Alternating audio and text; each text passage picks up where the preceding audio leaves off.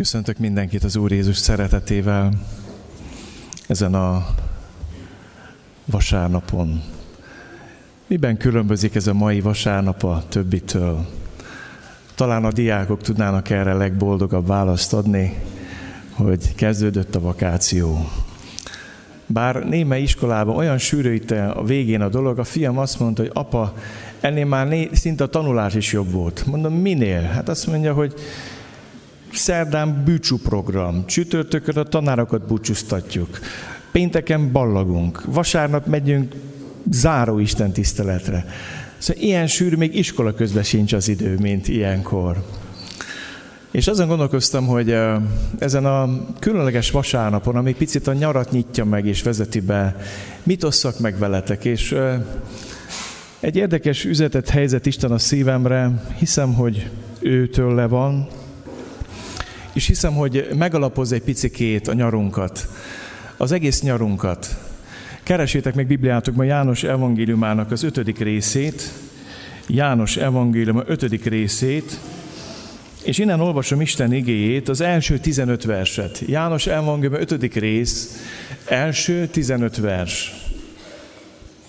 Ülve hallgassuk az igét most, mivel az előbb álltunk, de nyitott szívvel. János evangélium ötödik rész, első 15 vers. Ezek után ünnepük volt a zsidóknak, és felment Jézus Jeruzsálembe. Jeruzsálemben a Jú kapunál van egy medence, amelyet Héberő Betesdának neveznek. Ennek öt oszlopcsarnoka van. A betegek, vakok, sánták, sorvadásosak tömege feküdt ezekben, és várták a víz megmozdulását, mert az Úr angyala időközönként leszállt a medencére, és felkavarta vizet. Aki elsőnek lépett bele a víz felkavarása után, egészséges lett, bármilyen betegségben is szenvedett. Volt ott egy ember, aki 38 éves szenvedett betegségében. Amikor látta Jézus, hogy ott fekszik, és megtudta, hogy már milyen hosszú ideje, megkérdezte tőle, akarsz-e meggyógyulni? A beteg így válaszolt neki, Uram, nincs emberem, hogy amint felkavarodik a víz, beemeljen a medencébe, amíg én odaérek, más lép belőttem. Jézus ezt mondta neki, kelj fel, vedd az ágyadat, és járj, és azonnal meggyógyult ez az ember, felvette az ágyát, és járt. Aznap pedig szombat volt. A zsidók ekkor így szóltak a meggyógyított emberhez. Szombat van, nem szabad felvenned az ágyadat. Ő így válaszolt nekik. Aki meggyógyított, az mondta nekem, vedd az ágyadat és járj. Megkérdezték tőle, ki az az ember, aki azt mondta neked, hogy vedd fel és járj? De a meggyógyított ember nem tudta, hogy ki az. Mert Jézus félrehúzódott, amit az ott tartózkodó sokaság miatt. Ezek után találkozott vele Jézus a templomban, és ezt mondta neki, éme meggyógyultál, többé ne védkezz, hogy valami rosszabb ne történjék veled. Elment az ember, és megmondta zsidóknak, hogy Jézus az, aki meggyógyította. Gyertek, imádkozzunk!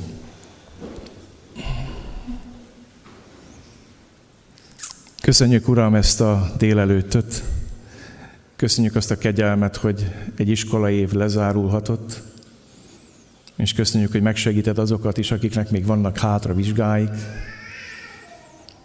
Köszönjük, hogy megnyithatunk egy ilyen nyári időszakot a gyülekezetünkbe, és köszönjük, hogy azt mondtad, hogy a te atyád mindez ideig munkálkodik, te is munkálkodsz. Köszönjük, hogy a nyár az nem a szórakozásról szól, hanem a pihenésről.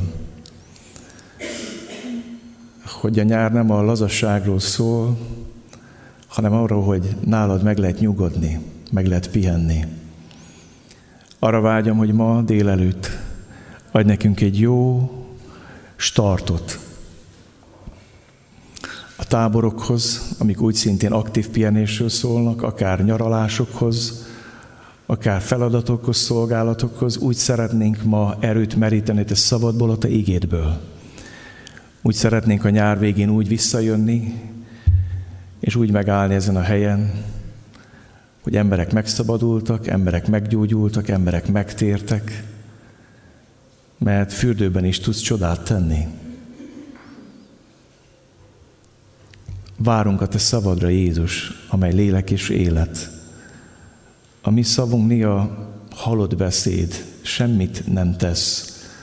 A Te beszéded lélek és élet. A mi szavunk néha pusztít, a Te szabad teremt. Kérlek, Uram, hogy jöjj és add a Te szavadat közénk ma, hogy történjen ez a mai történet. Hogy ne csak sóvárokba prédikáljunk arról, hogy Te milyen nagy vagy, hanem tapasztaljuk meg itt most és közöttünk, hogy Te valóban az vagy, aki voltál, tegnap, ma is mindörökké. Amen.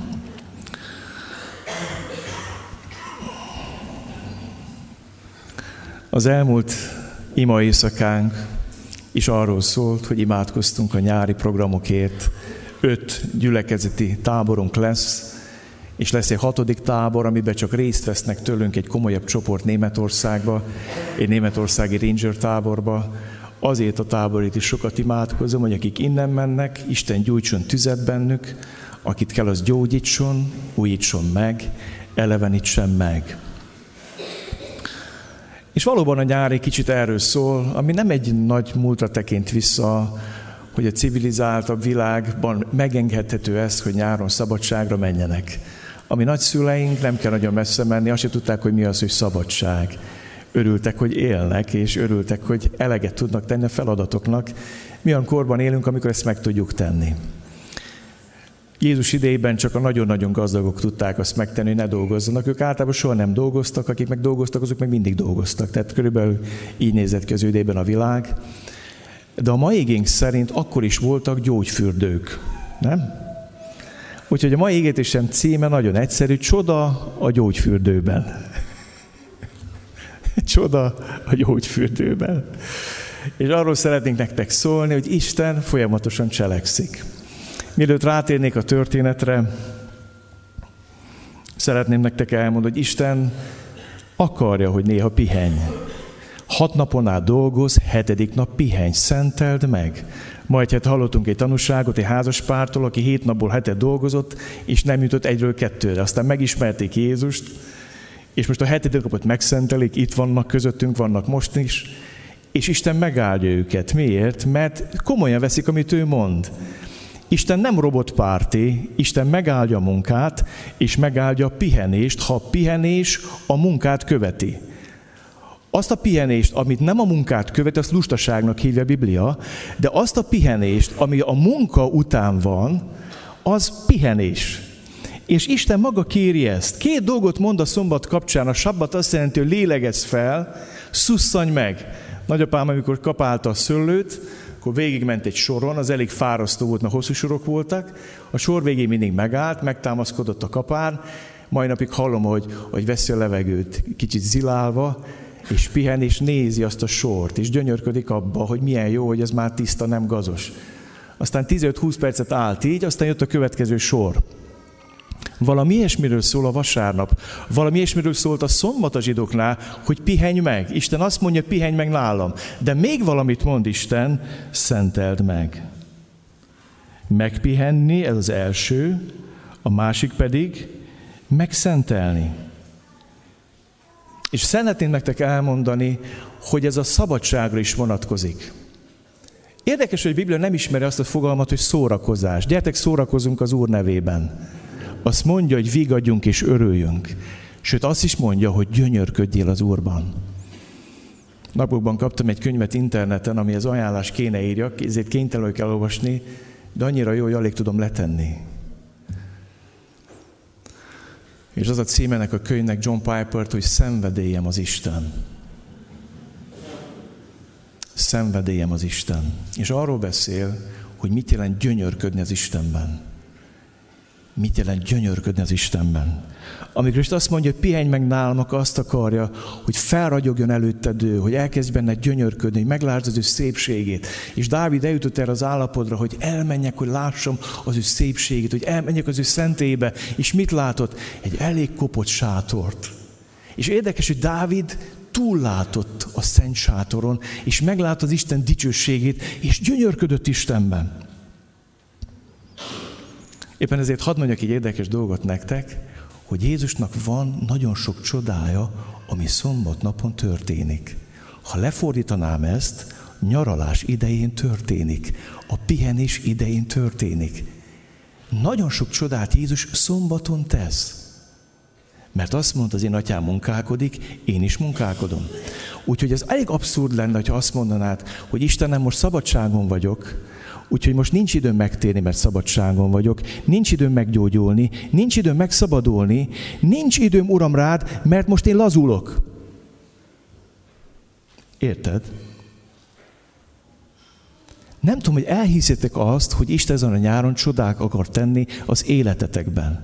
Elhiszik azt, hogy Isten valamit tartogat. Így készülünk-e mondjuk nyaralási, mi is elvonulunk 7-8 napra a családdal, egy pihenésre, és ahogy, ahogy gondolkoztam az égen, az volt bennem, hogy Uram, miért megyek el, mit akarok? Még téged is kizárva pihenni, szórakozni, lazulni, vagy szeretnék téged tényleg gyógyulni. Tudod, mit mond ma Jézus neked? A vakáció első napján.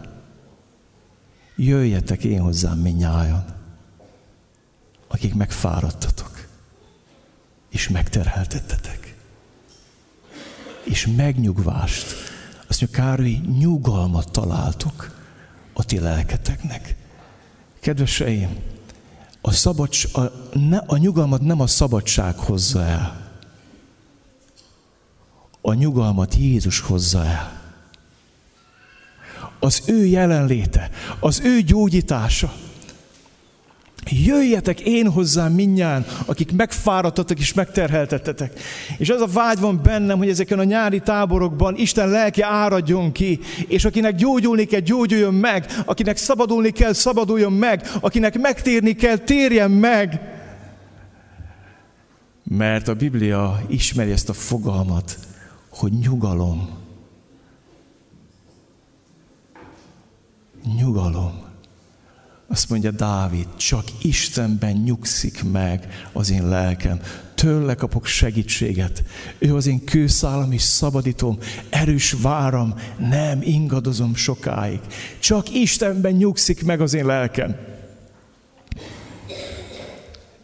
És azon gondolkoztam, hogy Uram, így készülök arra 7-8 napra, hogy veled szeretnék találkozni, a te szeretet, jelentedbe szeretném bevezetni a családomat. Így készülök erre, hogy azt mondom, Uram, most szabadságon vagyok, most nincs időm rád. Én most szórakozni akarok.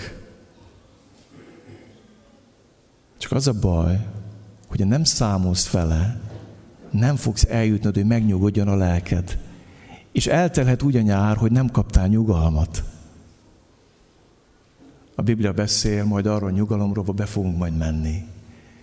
Ő éppen azért dolgozik még szombaton is Isten, hogy neked megnyugvást adjon a lelkednek. És azért vagy ma itt, mert ter van veled. Hadd hozzak három példát a Bibliában, amit Jézus szombaton tett. Van egy elszáradt kezű férfi, akinek jobb keze száradt el, elsorvat, letapadt, mondhatnánk így is. És így jár évek óta zsinagógába. És mindenki tudják, hogy az a, az a szárazkarú, nem, nem mondok nevet, nehogy valakinek a nevét mondjam. És Jézus meglátja. És azt kérdezi, hogy szabad-e szombatnapon jót vagy te, rosszat tenni, gyógyítani? Csönd. És azt mondja, állj a középre. És azt mondja, nyújts ki a kezed. És azt mondja az ége, hogy miközben kinyújtotta kezét, meggyógyult. Nem azt mondja, hogy meggyógyított Jézus, és kinyújtotta kezét, hanem engedelmeskedett Jézusnak, és miközben kinyújtotta kezét, meggyógyult. Annyira vágyom. És az igaz azt mondja, megteltek esztelen dűvel és haraggal, mert mindez Jézus szombaton tette. Van egy asszony, akiről azt olvasok a Bibliában, hogy a betegség lelke 18 éve lakott benne, és annyira meggörnyedt, hogy nem volt képes felegyenesedni. És így teltek el a nyarai is.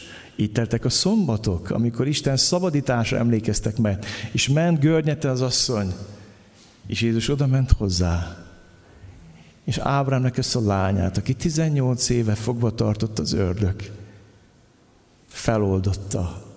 És az a nő, aki 18 évig a földet nézte, és nem tudott az emberek szemébe nézni, csak felegyenesedik. És az első, akinek az arcát látja az Úr Jézus. Ezt is szombatnapon tette Jézus. És képzétek el, a mai csodát is szombatnapon tette.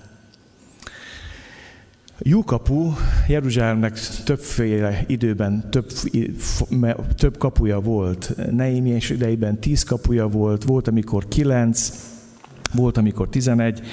Jézus idejében létezett egy olyan kapu, mint úgy hívnak a Jókapu, és a Jókapu mellett a városon kívül volt egy medence, egy nagy medence. Betesdának hívták és mivel gyógyulások történtek ebben a vízben, ebben a medencében, építettek rá öt hatalmas oszlopcsarnokot. A régészek megtalálták ezt a helyet, nagyon sokan bántani szokták az ateisták, mondják, hogy nem találtuk meg a Betesdát, ez is csak egy kamu, nem igaz. Aztán kivették a legújabb Bibliákból azt is, hogy, hogy az angyal felkavart a vizet, mert ez túl hihetetlen, és ami hihetetlen, azzal nem akarunk számolni csak az, amit emberek meg tudunk magyarázni. És a Biblia arról beszél, hogy van egy Betesda hely, ahova építettek öt oszlopcsarnokot. Annyira igaz ez, hadd mondjam nektek, hogy a Hadrianus császár, amikor megtudta, hogy létezik ez a gyógyfürdő, Eklepszionnak a templomát odaépítette a fürdőre. És a régészek nagyon sokáig azért nem találták meg, mert le kellett ássanak a templom falai mentén, még mélyebbre, nagyon mélyre le kellett menjenek, hogy megtalálják a Betesda fürdőnek a nyomait, és megtalálják az oszlopcsarnokok maradványait. Úgy volt kialakítva, hogy volt öt, öt oszlopcsarnoka, és ezt úgy képzétek, hogy a vulgat azt mondja portikosz, az azt jelenti, hogy egy nagy kőboltívből épültek ezek a csarnokok azért, hogy száraz, árnyékot tartó hely legyen a betegek számára. Tudjátok, ő palesztini, nagyon meleg vidék, nagyon-nagyon forró a nyár, és építettek ilyen nagy kő oszlopcsarnokokat, boltíveket, ami ellen be tudtak húzódni. A kő az nagyon jól tudja, az ár nem csak árnyékot tart, hanem kellemes hűvöst is ad. És már ez a hely maga kellemes volt a betegeknek. De az hír lett erről a helyről, hogy időközönként Isten angyala felkavarja vizet, és aki elsőnek lép be a vízbe, bármilyen betegsége van, meggyógyul. Hangsúlyozom, bármilyen betegsége van, meggyógyul. Az a nagy kérdés, hogy miért nevezték ezt a helyet Betesdának. Betesda azt jelenti bait vagy bét, azt jelenti, hogy ház. Tezda azt jelenti, hogy írgalom, könyörület, kegyelem. A Betesda azt jelenti, hogy írgalom, könyörület, háza. Írgalom, könyörület, kegyelem háza. És bizonyára azért adták ezt a nevet ennek a helynek, mert bármilyen beteg volt, meggyógyulhatott, ha elsőnek lépett be a vízbe. Aztán azért is adták ezt a nevet ennek a helynek, mert nem számított, hogy milyen gazdag, milyen szegény, milyen művelt, pogány, zsidó, milyen nemzetiségű, milyen, milyen fajú, teljesen mindegy, hogy Afrikából érkezett, vagy Ázsiából, vagy Európából, bárhonnan érkezett, bárki meggyógyulhatott bármilyen betegségből. És hogyha nem számított az, hogy mennyi pénzed van, mennyit tudsz fizetni, mi, akkor, akkor ez kegyelem, ez irgalom. Ha bármilyen bajból meg lehetett szabadulni bárkinek, ez azt jelenti, hogy ez egy kegyelem helye, az irgalom helye, a könyörület helye. És mi mindannyian vágyunk erre, hogy a családjainkban, a házasságainkban, a gyülekezeteink egy ilyen hely legyenek. Arra vágyunk, hogy ne a társadalmi státuszunk, a képzettségünk, a fizetőkészségünk, a szépségünk, a karrierünk, a teljesítményünk alapján ítélnek meg. Az ember lelke vágyik, sóvárog az írgalomra, kegyelemre, könyörületre, ami arról szól, nem sajnálkozásról szól, hanem arról szól, hogy hozzáférhetsz Isten áldásaihoz személyválogatás nélkül. És a jó hírem az, hogy a Golgotai kereszten három nyelvre volt írva az, hogy ime a zsidó királya. Három nyelven. Isten mindenki számára hozzáférhetővé tette a gyógyulás helyét, a szabadulás helyét, a megtisztulás helyét. A Golgotai kereszt az egész világnak szól. Jézus áldozat az egész világnak szól. Nem számít, hogy milyen bajból jössz, milyen betegségből, milyen nyomorúságból, milyen megkötözöttségből, milyen háttérből. Az Isten végtelenül szeret téged. Betesda, ahol fellélegezhetsz, ahol meggyógyulhatsz, ahol felszabadulhatsz, ahol megszabadulhatsz. És szeretném azt nektek elmondani, hogy ami ez az ember hozzányúl, az mindig tönkre megy. Ha hozzányúlunk az Isten irgalmához és kegyelméhez, ha teszünk hozzá, vagy veszünk el belőle, az már nem az. Ha hozzányúlunk az irgalom házához, az az irgalmatlanság helye lesz. Ha hozzányúlunk a könyörület házához, abból a könyörtelenség helye lesz. Ha hozzányúlunk a kegyelemhez, abból a kegyetlenség helye lesz. Az irgalom és könyörület háza teljesítmény házává válik. Akár veszünk el a kegyelemből, és olcsó kegyelmet hirdetünk az embereknek, és azt mondjuk, hogy teljesen mindegy, hogy mi vagy, ki vagy, nem kell tenned semmit, Isten csak szeret, nem kell megtérned, nem kell megbánod, nem kell elfordulni a bűneitől, nem kell szakítanod a bűneiddel, csak egyből lép be az örömbe, és ennyi az egész. Ez meggyalázás a kegyelemnek. De amikor akadályokat gördítünk az emberek elé, emberi elvárásokat, akkor megjelenik a könyörültelenség, az irgalmatlanság, a kegyetlenség. És mikor gyülekezeten belül neheztelünk egymásra, és nem engedjük el a sérelmeinket, és nem tudunk túllépni, és azon keresztül nézzük egymást, akkor a könyörtelenség helyvé válik Isten háza. Amikor elfelejtjük, hogy mennyit engedett el nekünk az Isten, és mi be akarjuk hajtani máson azt, amit Isten rajtunk nem hajtott be, akkor kegyetlenség házává tesszük otthonunkat, családunkat, gyülekezetünket, könyörtelenség, irgalmatlanság, kegyetlenség. Ami az ember hozzányúl, azt elrontja. És betesdezé vált. És betesde csak akkor válik betesdáva újra, ha Jézus bemegy oda.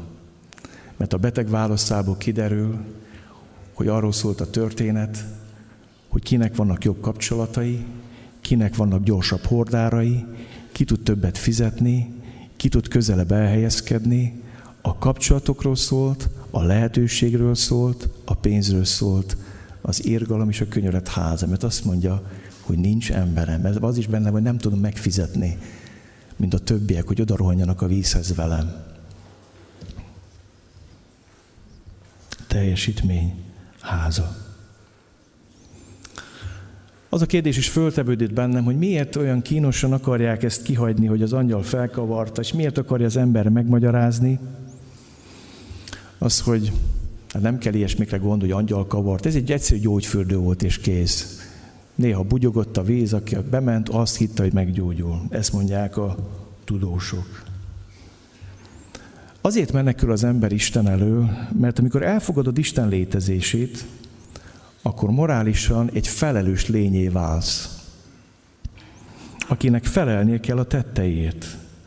De a ma emberére az egyik legjellemzőbb dolog, hogy nem akar felelősséget vállalni. Végképp Isten előtt nem akar felelősséget. Valaki azt mondta, a ma embere szeretne csodát Isten nélkül. Szeretne változást Isten nélkül. Szeretne megországot pokol nélkül.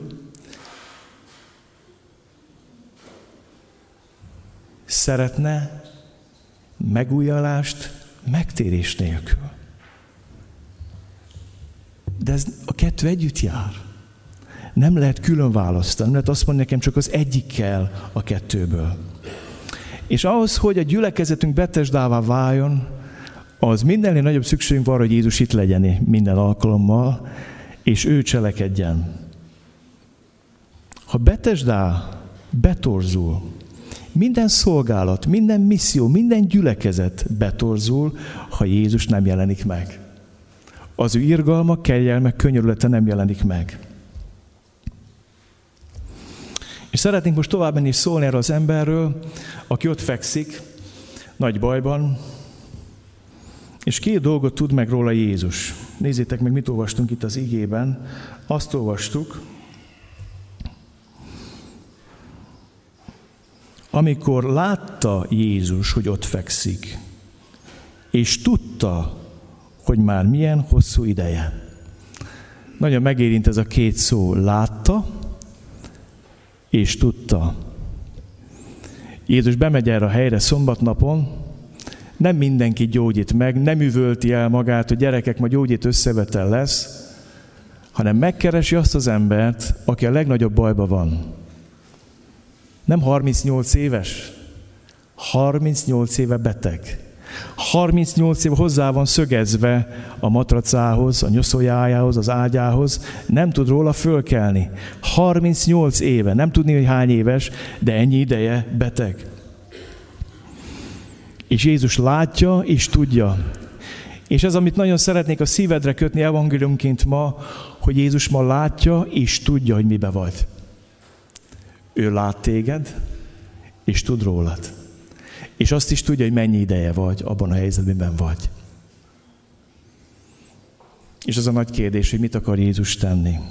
És az is nagy kérdés, hogy hogyan teszi, és erről szeretnék most nektek szólni, ezt szeretném kibontani a gyógyulásnak a folyamatát, mert Isten ezáltal akar tanítani minket ezen a délelőttön. Jézus látta és tudta, 38 éve beteg. Nem tudom, van-e köztetek olyan, aki 38 éve küzd valamilyen betegséggel folyamatosan. Nem kérem, hogy jelenkezzen. 38 év, az majdnem négy évtized. Hozzá lehet szokni ehhez a helyzethez. Hozzá lehet szokni. Ez olyan, mint hogy én tíz éves korom óta folyamatosan beteg lennék. Döbbenetes. És elmegy az irgalom házába gyógyulni.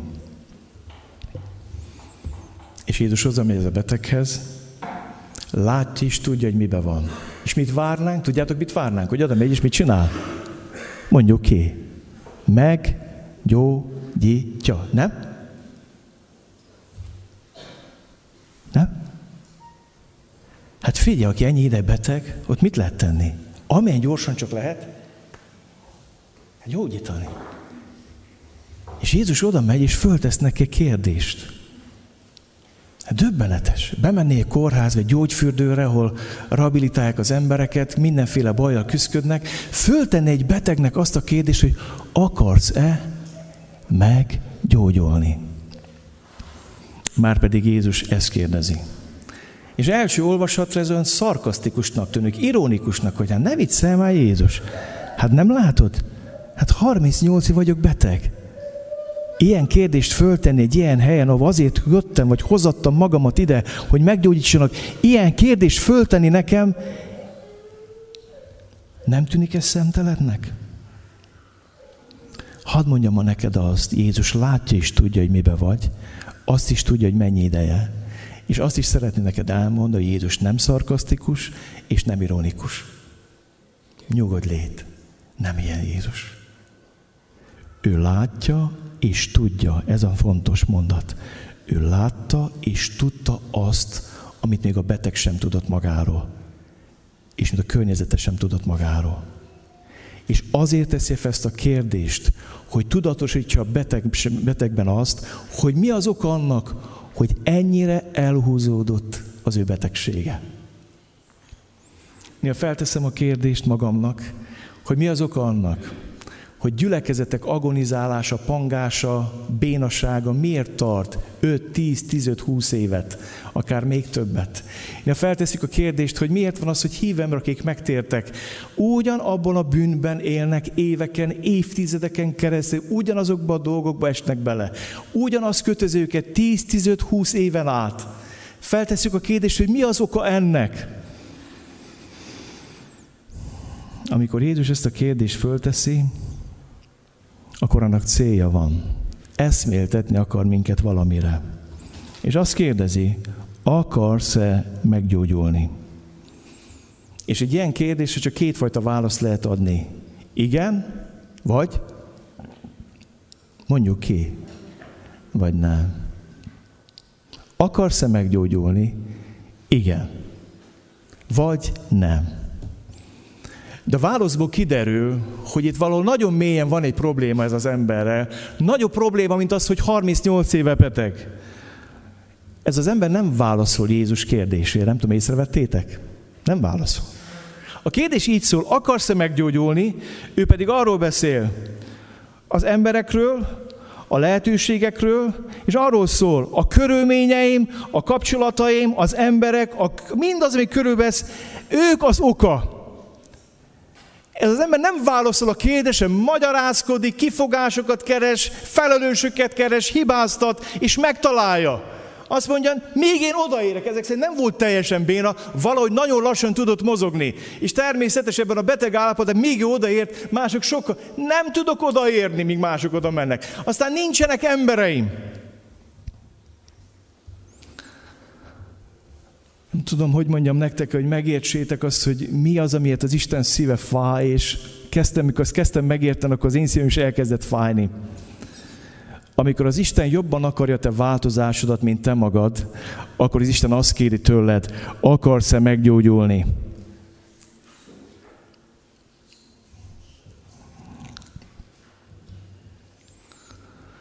Marjola is elmesélhetném nektek, hogy hányszor, hányszor átéljük azt lelki gondozások során, hogy mi jobban akarjuk a lelki változását, mint ő. És kerülgetjük, és kerülgetjük, és lehet körbeállni heteken, hónapokon, éveken keresztül, mert nem akar. És addig az Isten nem fog megváltoztatni, míg te nem akarod.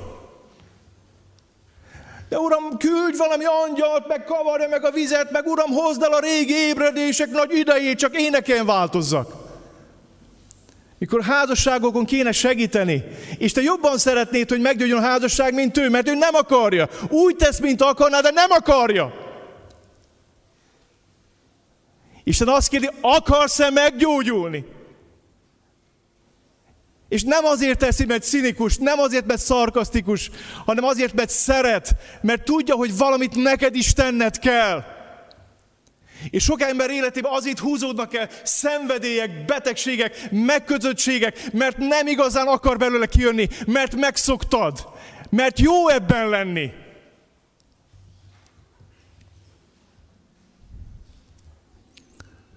Mert lehet, hogy ki kéne dobni egy istentelen kapcsolatot, mert lehet, hogy ki kéne dobni a bűnt, Olyan sokszor találkozom azzal, látjuk a bajt, a nyomorúságot, a megkötöttséget, és akkor feltesszük a kérdést, te is akarod? Mert amíg te, addig mi hiába, hiába imádkozunk. Amíg te nem akarod, addig Jézus is hiába parancsol neked. Olyan sokan vannak, hívők és gyülekezetek, akik szeretnének változást, de nem akarják megfizetni az árát. Te hány hete jársz ide? 38 hete? 38 hónapja? Hány éve lehet? 38 éve jársz gyülekezetbe? És mióta akar Isten, hogy változ? Ott vagy a fürdő mellett. Hallgatod az égét vasápról vasárnapra. Ma nem egy pásztor kérdezi, maga az élővíz kérdezi tőled, akarsz-e meggyógyulni? Ma nem egy angyal jön megkavarni vizet. Maga Jézus kérdezi tőled, akarsz-e megszabadulni? Akarsz-e változást? Tudod miért? Azért, mert a cselekvésed az mindig hitet mutat. Ez ember a körülményére hivatkozik, a lehető. Nincsen lehetőségem, nincsenek emberek, nincsenek kapcsolataim, nincs erőm, nincs, nincs, nincs. És hadd mondjam nektek, az Úr őrizem meg, hogy bántsam a pszichológiát, sok áldást hozott, de hozott sok nyűgöt is. Többek között az örökös magyarázkodás és kifogás keresést hozta az életünkbe. Hogy mi elmondjuk, hogy azért vagyok ilyen, mert a feleségem, az anyám, az apám, a gyerekem, a... ilyen, ilyen, ilyen. Azért váltam el, mert azért csináltam ezt, mert mindenre van magyarázatunk, és mindent helyre tudunk tenni. És oktatjuk az Isten, és azt mondjuk, Uram, ez azért van, mert. Azért van, mert.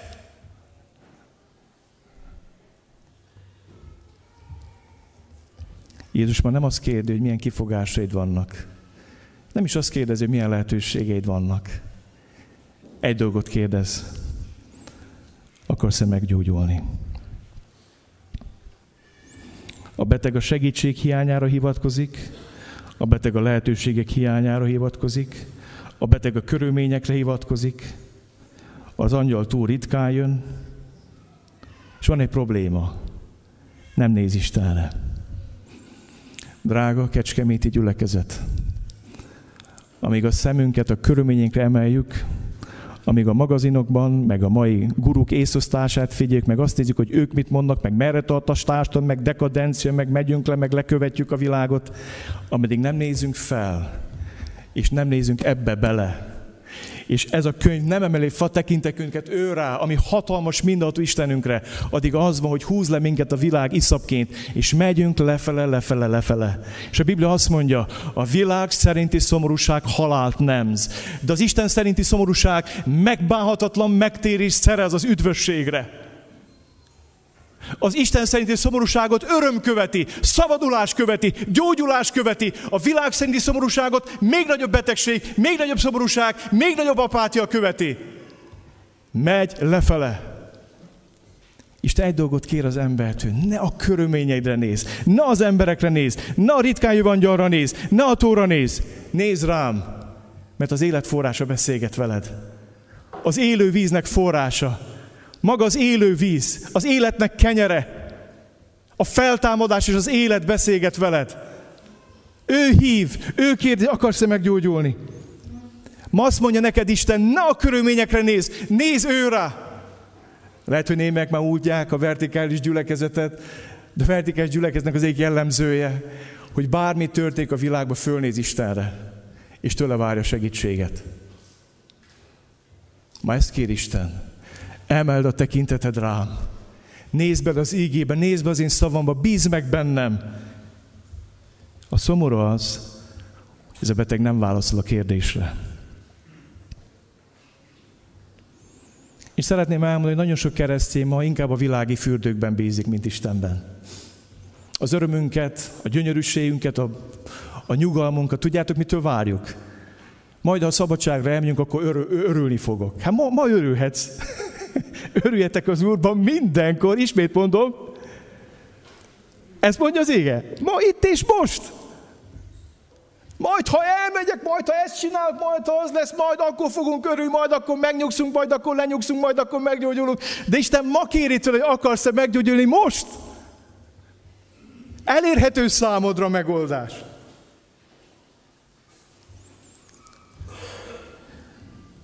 Hadd mondjam azt, a gyógyulás nem kezdődik addig el, amíg ki nem gyógyulunk, vagy fogyunk a mentegetőzésből, a magyarázkodásból és a hibás keresésből. A gyógyulás az mindig akkor kezdődik a szívünkben, amikor ezeket magunk mögött hagyjuk, és fölemeljük a tekintetünket Jézusra. Jézus ez a kérdés azt akarja, hogy nézz ide. Kénytelen ránézni, fekszik, Jézus szól hozzá, és neki mondja azt, amit mond. És nézzétek meg, hogy Jézus nagyon érdekes dolgot csinál, amikor eléri azt, hogy ránézzen az a beteg. Ne a medencére, ne a ritkán angyalra, ne az emberekre, a körülményekre, csak rá. Amikor csak ránéz, akkor Jézus mond neki valamit. Kelj fel. Vedd az ágyadat, és járj. Mondhatná ez a beteg, hogy nem vagy te kicsit cinikus?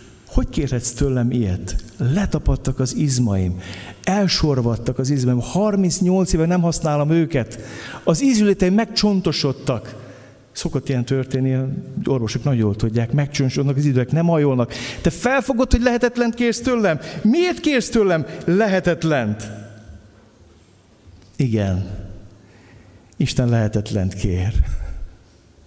Például azt kér, hogy új parancsot adok nektek, hogy egymást szeressétek. Magyarán parancsolom neked, hogy? Hogy? Szeres. Azt mondod, de nem, mert nem érzek semmit. Azt mondja, nem ez, nem ezt mondtam, hogy érez valamit. Azt mondtam, hogy szeres. Parancsra. Indulj el. Tedd meg. Sokan mondják, nem tudom megszabadulni az alkoholtól. Hát mivel kell kijönteni a mosdóba? Vagy a mosogatóba, bocsánat. Nem tudok megszabadulni a cigarettától. Mibe, mibe kell, hogy kidobt a kukába? Mi olyan nagy dolog? Dob bele a kuka, ennyi, engedd el, tedd bele. Kelj fel, csinálj valamit, fejezd ki, hogy akarsz változni. Valamit tégy. Sose felejtem el, az ég testvéremet nagyon netfüggő volt, és azt mondta, hogy bementem a telefonoshoz, és azt mondtam, a legbutább telefont kérem. Azért, mert mikor nála volt ez az okos telefon, ő nem tudott szabadulni. Állandóan azt simogatta, mindig az volt.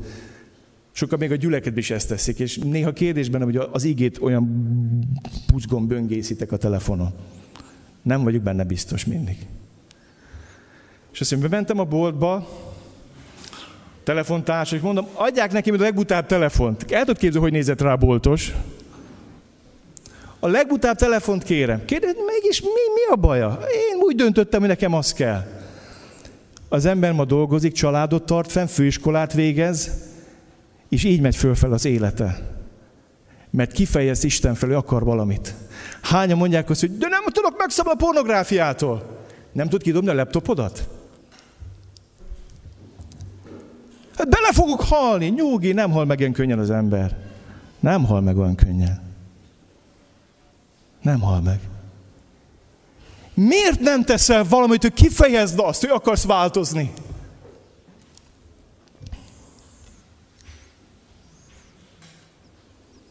Mondj a felesleges dolgaidról, gazdag ifjú. Hát nem, nem.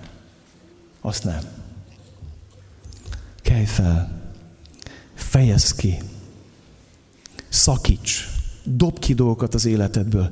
Fejezd ki az Isten felé és magad felé, hogy tényleg komolyan gondolod azt, amit szeretnél. Hogy te is akarod annyira, mennyire ő akarja. Akarsz-e meggyógyulni? Azt kérdezi ma Isten tőlem és tőlem. Aztán van egy másik nagyon érdekes kérdése Jézusnak. Vedd föl az ágyadat. Vedd föl az ágyadat. Mi minden volt ebben az ágyban? A magyarázkodás, az önsajnálat, a tehetetlenség, a vádaskodás tetves matraca. És tudjátok, hogy hányan feküsznek ezeken? Azért vagyok ilyen, mert erre predestinált a környezetem, nem is tehetek mást. Az emberek elhagytak, nincs emberem. Mindig arról prédikálnak, amikor az igét veszik, hogy nincs emberem, testvérek, legyünk emberei a, a 35 éves betegnek. Ugye mindig er, erről a történet. De mind próbálhatsz embere lenni, ha ő nem akar onnan fölkelni. Maximum komfortosabbá teheted a matracát. Kelj fel, vöd fel a te ágyadat. Ez azt jelenti, hogy menj el onnan. Vogd az önsajnálatot, a magyarázkodást, a kifogasást, a védekezést, a vádakozást, a tehetetlenkedést. Fogd és vedd el. Miért kell fölvenni a matracot? Miért? Azért, mert az ember, ha nem veszi föl, előbb-utóbb vissza fog rá feküdni. Van egy szomorú statisztika, mi szerint átlag statisztika kereszténységen belül, hogy azok az emberek, akik ma megtérnek és bemerítkéznek nagy örömmel és eufóriával, most nem kecskemét átlagot mondom, általában az átlagot mondom, fele visszatér a múltjához. Fele megmaradt Krisztus követőnek, miért? Mert fölgöngyölítette a múltját, és azt mondta, hogy fölveszem, és oda többet vissza nem megyek. De nagyon sokan ezt nem teszik meg. Mikor Izrael népe kijött Egyiptomból, akkor örömük volt, hogy táncra feldültek. Miriam olyan boldog volt, vett a csörgődobot, az asszonyok elkezdtek táncolni ott a vörös tenger partján, eufória volt. Aztán mennek odébb, nincs víz. Miért hozták ki minket Egyiptomból? Aztán keserű víz, keserű víz. Dögöltünk von meg Egyiptomba. Aztán nincs ennivaló. Miért hozták ki minket Egyiptomból? Aztán van ennivaló, unjuk a manylát. Aztán van hús, de nincs póréhagyma. Valami sosincs. Az a baj Izraelnek, hogy mind a kettőt akarja. 38 évet, bocsánat, 40 évet kóvályogtak a pusztában, Én most összehozom a 38 évvel. 38 évet kóvágtak a pusztában. Nem, nem tudták eldönteni, hogy Kánánt akarjuk, vagy Egyiptomot. A mannát, vagy a húsos vazakat. A megölt gyerekeket a Nilusba, a vályoggal, a rabszolgasság együtt, vagy a teljes mézet. Nem tudják eldönteni. Akkor mi legyen? Póré hagyma? Ne hagyma? Hal legyen? Ez legyen? Az legyen? Pástétom? Mi legyen? Merre? Olyan sokszor, mikor gyülekezetben változások történnek, némek annyira ragaszkodnak a múlthoz, hogy nem akarják ellen. Akarják a változást, de ne annyira. Jó van testvér, felébredtél, de ennyire ne ébredjél már fel, mert nekem kényelmetlen. Hát mit kell itt ennyit imádkozni, meg imaiszakát hirdetni? Hát maradjunk ott szépen a matracon, mert az egy kényelmes, komfortos hely. Hát nem kell onnan fölállni, ébredjél fel, de ne ennyire, mert az nekem kényelmetlen. És sok gyüleket ebben megy tönkre. Nem tudnak haladni előre, lép győzelemre, győzelemre. Mert vannak, akik azt mondják, hogy nem kell, nem kell azt olyan komolyan venni. Mit kell ott annyit ébrezgetni, meg mi ez a, mi ez a furcsaság? Nem tudsz dönteni Egyiptom és Kánán között, el kell döntsd, hogy melyikhez ragaszkodsz, hogy elengeded a matracot, hogy elmozdulsz onnan, fölállsz és mész tovább. Kelj fel, vedd az ágyadat és járj. Amikor Istennek is akarunk tetszeni, meg embereknek is, abból nem lesz gyógyulás, mert ma rájöttem. Keserves kínokkal kellett kigyógyuljak abból, hogy meg akarjak felelni embereknek azt mondja a Biblia, hogy az emberektől félelem csapdába ejt. Kinek akarsz te tetszeni? Istennek vagy embereknek? Jézusnak vagy a világnak? Kinek a vonzásában éled az életed? Jézus ma azt mondja, kelj fel, vedd az ágyadat és járj. Járj. Tudod, miért olyan fontos ez? Mert ezt nem tesszük meg, akkor fennáll a veszélynek, hogy visszatérünk a múlthoz. Péter apostol beszél erről az első, a második level a második részében ezt írja. Mert az Úrnak és az üdvözlő Jézus Krisztusnak megismerése által megszabadultak a világ förtelmeitől, de ismét belekeveredve azokba elbuknak, ez az utóbbi állapotuk rosszabb lesz, mondjuk tovább, az elsőnél. Mert jobb lett volna nekik, ha meg sem ismerik az igazság útját, mint hogy azt megismerve elforduljanak a nekik adott szent parancsolattól. De betelt rajtuk az igaz példabeszéd, bocsánat, a Bibliát idézem, a kutya visszatér a maga okádására, és a megfürdött disznó sárban hempereg. Pétert idéztem, nem akarok senkit bántani, de ezt mondja az ége hogy megismerni az Isten kegyelmét, fölragyog előttem Krisztus, és utána visszamenni, és visszafeküdni arra a matracra, azt mondja, jobb lett volna föl se kelni, és föl sem állni.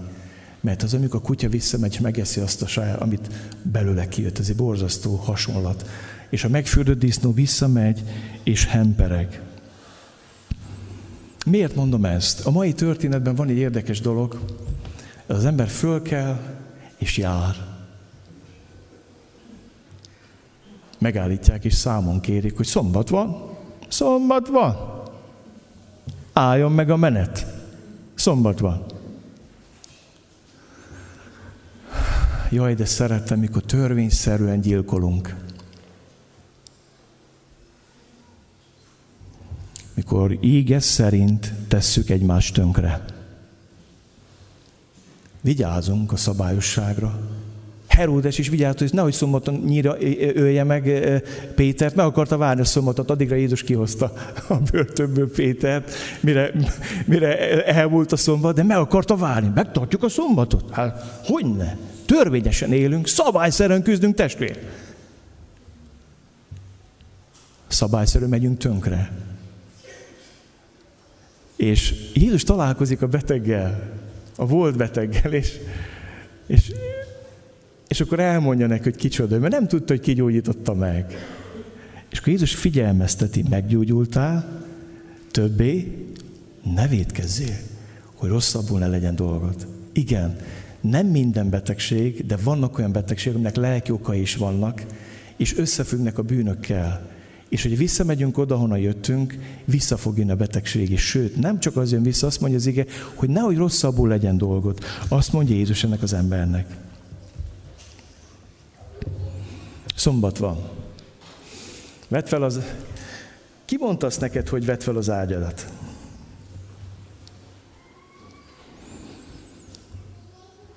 Olyan döbbenetes ez a mai ége, hogy ezek az emberek ennyire vakok. Nem tudnak örülni a meggyógyultal. Jézus azt mondja, kelj fel, vedd az ágyadat, járj. Állj meg, le az ágyat, feküdj! Pont a fordítottja. Többenetes. Nem tudják, hogy az ördögöt szolgálják? A törvény nevében az ördögöt szolgálják. Annak a törvénynek a nevében, akit Istentől kaptak. És a törvény ura áll előttük, és beszélget velük, és azt hiszik, hogy ők jót csinálnak. Szörnyű, fájdalmas dolgra képes az, amikor az ember megkövesedik a hitében, amikor Jézus már nem úr az életünkben, nincs vele naprakész élő kapcsolatunk, amikor megsötétedünk, amikor megkérgestik a szívünk, amikor nem látunk tisztán, és szép lassan meghomástik a szemünk, de azért akarunk hozzá ragaszkodni is a törvényhez, mert azt hiszik, hogy ezzel jó, jók leszünk a szemébe. És azt hiszik, hogy jót tesznek törvényes, tedd le az ágyat, és szombat van vége, nem, nem ugrabugrálunk itt. Olyan nagy dolog, amikor felragyog előttünk ő, amikor meglátjuk őt a Golgotai kereszten. Tudod, ő nem egy ágyat vett föl magára. Nem. Ő a keresztet vette magára. Ennek az embernek csak a matracát kellett fölgöngyölíteni és a vállára vennie, hogy egyszer és mindenkor a szakítson a múltjával. De ő a Golgotai keresztet cipelte oda föl a koponyák hegyére. A bűneimmel, a tehetetlenségem, a magyarázkodásommal, a szégyenemmel, a megkötöttségeimmel, mindennel együtt vette és vitt a Golgotai keresztre. És ő mondja ma nekem is neked, ha én felvettem és elvettem a bűneidet, akkor jár ebben a szabadságban. Kelj fel, vedd az ágyadat, és jár. Gyertek, imádkozzunk.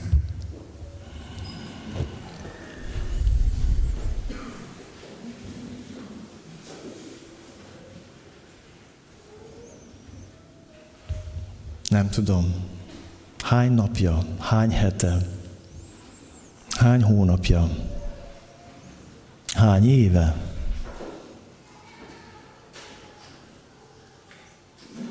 vagy ebben a helyzetben. Jézus itt van, és ő kérdi tőled ma, akarsz-e meggyógyulni?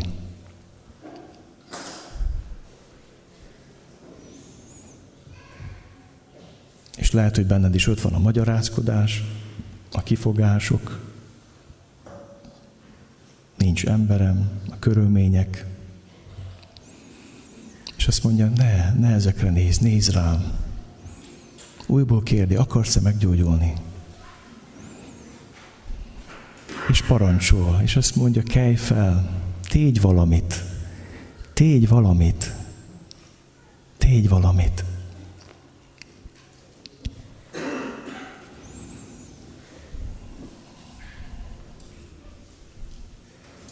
Hadd mondjam azt, hogy ha valakinek most jött el az ideje, ez a ma a te betesdád. Az a betesdava bejött Jézus, és azt mondja, hogy veled akartam beszélni. Akkor kérlek és hívlak téged, hogy állj föl. Nem kérem most, hogy gyere előre. Állj fel, ott vagy. És mondd azt, hogy akarok. Kelj fel. Kelj fel. Ha mindegy mindenkit hibáztattál, csak magadban nem találtad meg, a betegséged okát, akkor állj föl.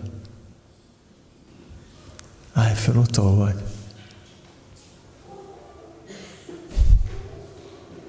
Van-e más, akit Isten hív ma szabadulásra, gyógyulásra?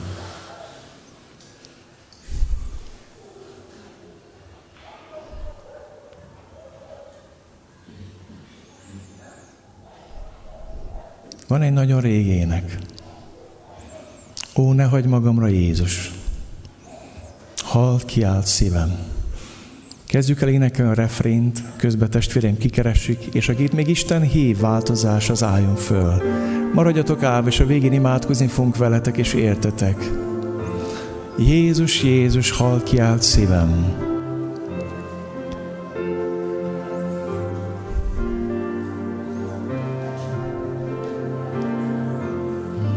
Kicsit lassabban fogjuk énekelni. Jézus, Jézus, hadd kiált szívem,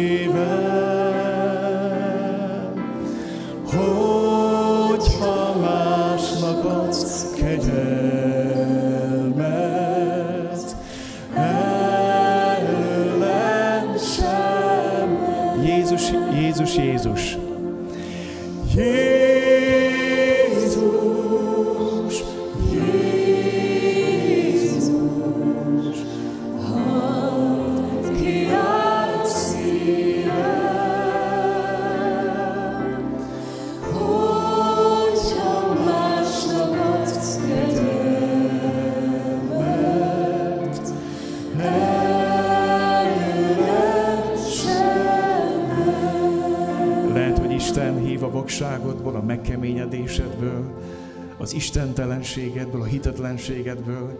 Ha van még más, akit Isten hív, kérlek, hogy állj fel ott, vagy, és mondd, hogy Uram, jövök. Azt kérted, hogy keljek fel, jövök. Ó, ne hagyd magamra, Jézus. Ó,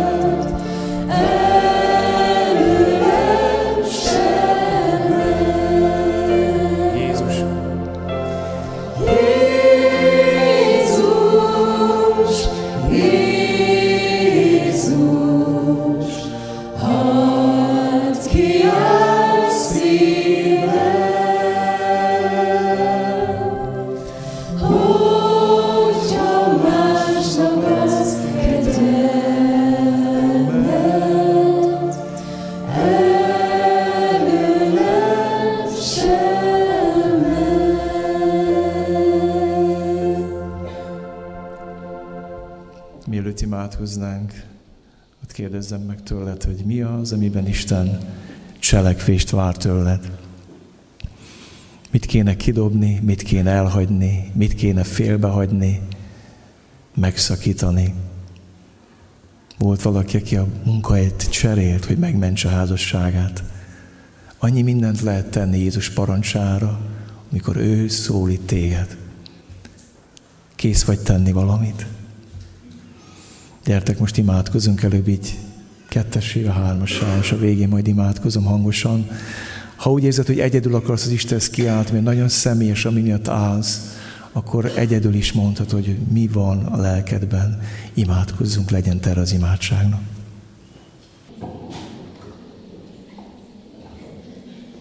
Olyan jó azt tudni, Úr Jézus, hogy itt vagy. Hallod a szívünket. Néha szánk mást mond, mint a szívünk, de most szeretnénk volna azt elmondani, amit a szívünk kiállt. Köszönöm, Uram, mindazokat, akik fölálltak az előző percekben, akár lent a teremben, akár fönn a karzaton. Ismered a fájdalmas, fájdalmaikat, a keserűségeiket, ismered a tehetetlenségüket, ismered a bénultságukat, Ismered mindazt, ami oda szegezte őket, Uram, az élet eh, eh, matracához, ágyához. Uram, nekem is voltak ilyenek, amiket az előbb itt le kellett tennem, meg kellett valljak neked, Uram. Köszönöm, hogy ma is föl tudsz állítani minket talpra, dicsőítelek téged ezért. Kérlek, hogy nyújts köte kezedet rájuk, Úr Jézus. Kérlek, Uram, hogy hadd hallják meg a hitnek a beszédét, amit Te mondasz, hogy kelj fel, és köszönjük, hogy amikor ezt te mondod, abban teremtő erő van, mert te ugyanaz az íge, ugyanaz a logosz vagy, aki azt mondtad, hogy legyen világosság, és lett világosság. És ha te azt mondod ma nekünk, hogy kelj fel, akkor az erőt is megadod hozzá. És szeretnénk rád nézni, szeretnénk nem a körülményeinkre nézni. Nem, Uram, szeretnénk rád emelni a tekintetünket. Kérlek, Uram, hogy hoz radikális változást mindazok életében, akik fölálltak. Hoz szabadulást, gyógyulást, az Úr Jézus dicsőségére a Te nevedben, Atyám. Amen.